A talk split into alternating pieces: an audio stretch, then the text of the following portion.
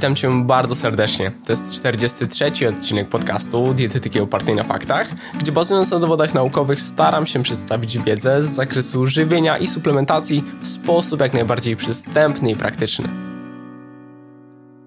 Na temat aspartamu mówi się wiele i w obiegowych przekonaniach często uchodzi on za słodzik szkodliwy, którego bezwzględnie należy unikać. Co ciekawe, wśród wszystkich obecnie dostępnych na rynku sztucznych substancji słodzących, to on budzi największe kontrowersje, mimo że paradoksalnie jest najlepiej przebadanym sztucznym słodzikiem. Mam najwięcej danych dotyczących jego bezpieczeństwa. Niestety wykreowane niegdyś twierdzenie, że aspartam to trucizna, wciąż mocno ukorzenia się w społeczeństwie. Zamiast jednak wierzyć w popularne w niektórych kręgach poglądy, warto zgłębić temat i podejść do tego obiektywnie. Dzisiaj postaram się ten temat omówić, przedstawić fakty o wspomnianym słodziku oraz wskazać, kiedy moim zdaniem jest elementem, z którego warto skorzystać, a kiedy nie. Zapraszam do materiału.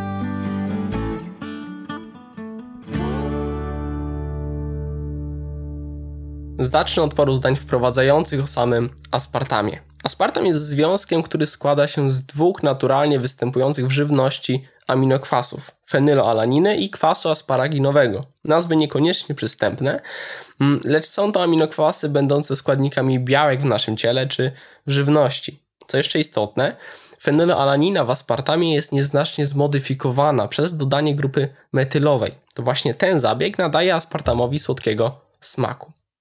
Omawiany słodzik jest około 200 razy słodszy od cukru, choć jest tak samo kaloryczny. Ma około 4 kilokalorii na gram. Przez jednak jego słodycz używa się go znacznie mniej i jego kaloryczność traci po prostu na znaczeniu. Tytułowy słodzik jest całkowicie rozbijany, to ważne, całkowicie rozkładany w naszych jelitach i wchłaniany przez organizm. Jednak co kontrowersyjne to to, że grupa metylowa ze zmodyfikowanej fenyloalaniny, czyli to co wspomniałem przed chwilą, uwalnia się w jelicie z wytworzeniem metanolu. To składnik, który raczej się nie kojarzy dobrze, więc warto się temu przyjrzeć. Otóż w tym momencie proszę wyobrazić sobie jedną tabletkę, bo tak często sprzedawany jest aspartam. W takiej jednej tabletce, słodzika oczywiście na bazie aspartamu, mm, znajduje się średnio 16 mg tego związku. Przy rozkładzie aspartamu około 10% jego masy stanowi właśnie metanol. A więc mniej więcej jedna tabletka aspartamu to 1,6 mg metanolu. Dużo, niedużo, no nie mamy się do czego odnieść. Warto więc zobaczyć, ile metanolu znajdziemy w zwykłej żywności. Otóż trzeba wiedzieć, że znajdziemy go również na przykład w warzywach i owocach. Przykładowo w soku pomidorowym znajdziemy nawet do 240 mg metanolu na litr. W sokach owocowych średnio kilkadziesiąt miligramów na litr. Nie wspominam już o alkoholach, bo tam na przykład w takim winie ilość metanolu sięga powyżej 300 mg na litr. Za dawkę toksyczną uważa się natomiast od 200 do 500 mg metanolu na kilogram masy ciała. To na przykład od 12 do 30 gramów dla 60-kilogramowego człowieka. Jeszcze teraz mogłoby paść takie pytanie, a ile metanolu znajdziemy w litrze coli słodzonej aspartamem? Około 50 do 60 mg. Nie ma więc się czego obawiać. Niegdyś spotkałem się jeszcze z argumentem, że co innego to ten metanol z żywności, a co innego metanol z aspartamu. No cóż, nie ma różnicy w sposobie, w jaki metanol jest metabolizowany przez organizm. Czy pochodzi na przykład z soku, czy z aspartamu. Wszystkie dotychczasowe badania naukowe, zarówno na modelu zwierzęcym, jak i na ludziach, wykazały, że rozkład aspartamu w jelitach jest bardzo szybki i kompletny. Po spożyciu nigdy nie znaleziono aspartamu we krwi ani w żadnym narządzie. Co ciekawe, sprawdzano nawet metabolizm tego związku u ludzi przy użyciu radioznakowanego aspartamu. Badacze wykazali, że był on traktowany w sposób podobny do przewidywanego, a więc tak jak przy konsumpcji innych pokarmów. Zatrzymując się jeszcze przy toksyczności, to niekiedy wątpliwości padają w stosunku nie do metanolu, a fenyloalaniny, wspomnianego już aminokwasu. Spotkałem się niegdyś z takim twierdzeniem, że fenyloalanina, pochodząca z rozkładu aspartamu oczywiście, kumuluje się w mózgu, wywołując efekty neurotoksyczne. Właściwie zostało już to obalone z uwagi na metabolizm aspartamu, ale warto dodać, że fenyloalanina, o czym propagatorzy takich twierdzeń chyba nie wiedzą, jest niezbędnym aminokwasem i musi być dostarczona z dietą. Są nawet zalecenia dla minimalnego jej spożycia z dietą i nie wchodząc tutaj w szczegóły, dla fenyloalaniny i tyrozyny jest to 25 mg na kilogram masy ciała na dzień. w przypadku osoby ważącej 60 kg to minimum 1500 mg. W tabletce aspartamu znajdziemy ją natomiast w ilości około 7 mg, a w szklance napoju typu 0 w ilości niecałych 30 mg. Dla przykładu, w dwóch jajkach znajdziemy około 800-900 mg fenylalaniny. Ponownie nie ma więc się czego obawiać. Właściwie może niekoniecznie, że wszyscy nie mają się czego obawiać, bo, bo nie dotyczy to wszystkich. Otóż istnieje taka genetyczna choroba, fenyloketonuria. Tam z metabolizmem fenylalaniny jest problem i wówczas aspartamu bezwzględnie spożywać nie można, podobnie jak niestety mm, całego szeregu różnych produktów spożywczych od urodzenia, bo badanie się przeprowadza rutynowo na początku życia człowieka. Należy wówczas przestrzegać bardzo restrykcyjnej diety. Choroba na szczęście występuje rzadko. No dobrze, mm, kontrowersji na temat aspartamu jest więcej i dotyczą one na przykład chorób nowotworowych. Swego czasu opublikowanych zostało kilka badań naukowych, które rzekomo miały dowodzić rakotwórczości aspartamu. To wystarczyłoby wzbudzić publiczną panikę i obwiać tytułowy słodzik złą renomą, natomiast istnieje wiele wątpliwości. Mm, niestety owe prace charakteryzowały się bardzo wątpliwą metodologią. Obejmowały wyłącznie szczury lub myszy, dostarczały nieprawdopodobnie olbrzymich dawek i były publikowane przez tego samego autora, a właściwie jego grupę. Przytoczone badania spotkały się więc z dużą krytyką w środowisku naukowym ponieważ trzeba podkreślić, że badań w tym zakresie jest znacznie, znacznie więcej i nie prowadzą one do takich wniosków. W roku 2013 Europejski Urząd do Spraw Bezpieczeństwa Żywności wydał kompleksowy raport dotyczący bezpieczeństwa aspartamu.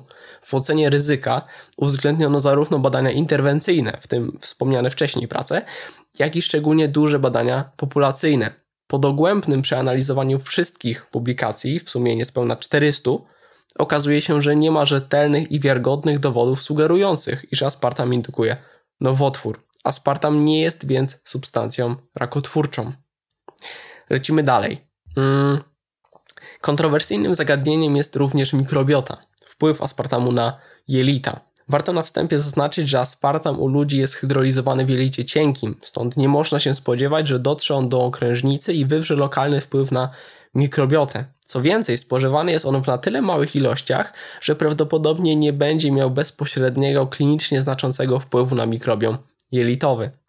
Istnieje jednak kilka prac in vitro i na modelu zwierzęcym, które ukazały pewien wpływ aspartamu na konkretny szczep bakterii. Takich badań nie można jednak bezpośrednio przekładać na organizm człowieka, gdyż rola sztucznych słodzików w przewodzie pokarmowym u ludzi, a u gryzoni może być zasadniczo różna, a o in vitro już nie wspominając.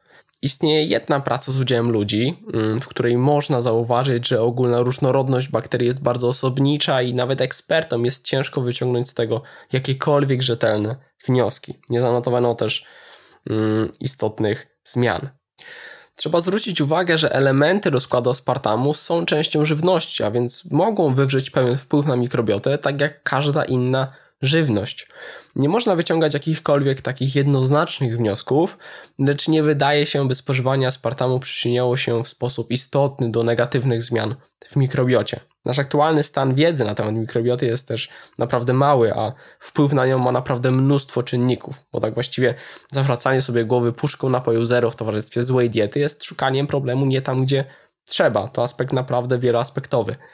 Natomiast y, na podstawie obecnych dowodów naukowych oraz biorąc pod uwagę potencjalny wpływ aspartamu na mikrobiom jelitowy z perspektywy fizjologii człowieka, to nie wydaje się, by wspomniany słodzik spożywany w rozsądnych, oczywiście umiarkowanych ilościach przyczyniał się do istotnych, klinicznie znaczących zmian w mikrobiocie. Kolejna kwestia aspartam a insulina. Wiemy przecież, że w naturze słodki smak występuje najczęściej w towarzystwie węglowodanów, Natomiast konsumując aspartam, cukrów nie dostarczamy. Według obiegowych przekonań organizm, cytuję, nie jest tak głupi i w konsekwencji samego wrażenia słodkiego smaku wywołuje reakcje, do których doszłoby w wyniku spożycia węglowodanów i pojawia się problem. Czy rzeczywiście? No, takie przekonanie, choć ciekawe i nawet logiczne, to nie znajduje odzwierciedlenia w badaniach naukowych przeprowadzonych z udziałem ludzi. Nie notuje się żadnego istotnie statystycznego wpływu sztucznych substancji słodzących na gospodarkę glukozowo-insulinową. Zresztą gdyby aspartam prowadził do wyrzutu insuliny, to jego konsumenci co chwilę wpadaliby w hipoglikemię, doświadczając przy tym jej objawów, w tym nawet ryzyka śmierci. Tak jednak nie jest.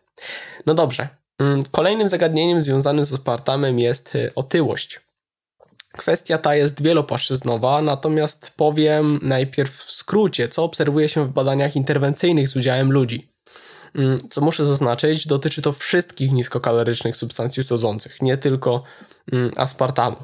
Otóż zauważono wyraźnie, że gdy przed posiłkiem przyjmowane, najczęściej wypijane, były niskokaloryczne substancje słodzące, to całkowita konsumpcja energii była znacznie niższa niż przy podobnym scenariuszu, lecz przy wymianie słodzika na cukier. Przypadku porównania z wodą lub z niczym nie było znaczących różnic. Ograniczenie tych badań polega jednak na tym, że mierzą one spożycie tylko w jednym posiłku, więc mogą pominąć zmiany w spożyciu, które występują później. W przypadku długoterminowych badań zaobserwowano największą bezwzględną utratę masy ciała w grupie, uwaga, niektórzy mogą się zdziwić, spożywającej słodziki w porównaniu z cukrem lub wodą.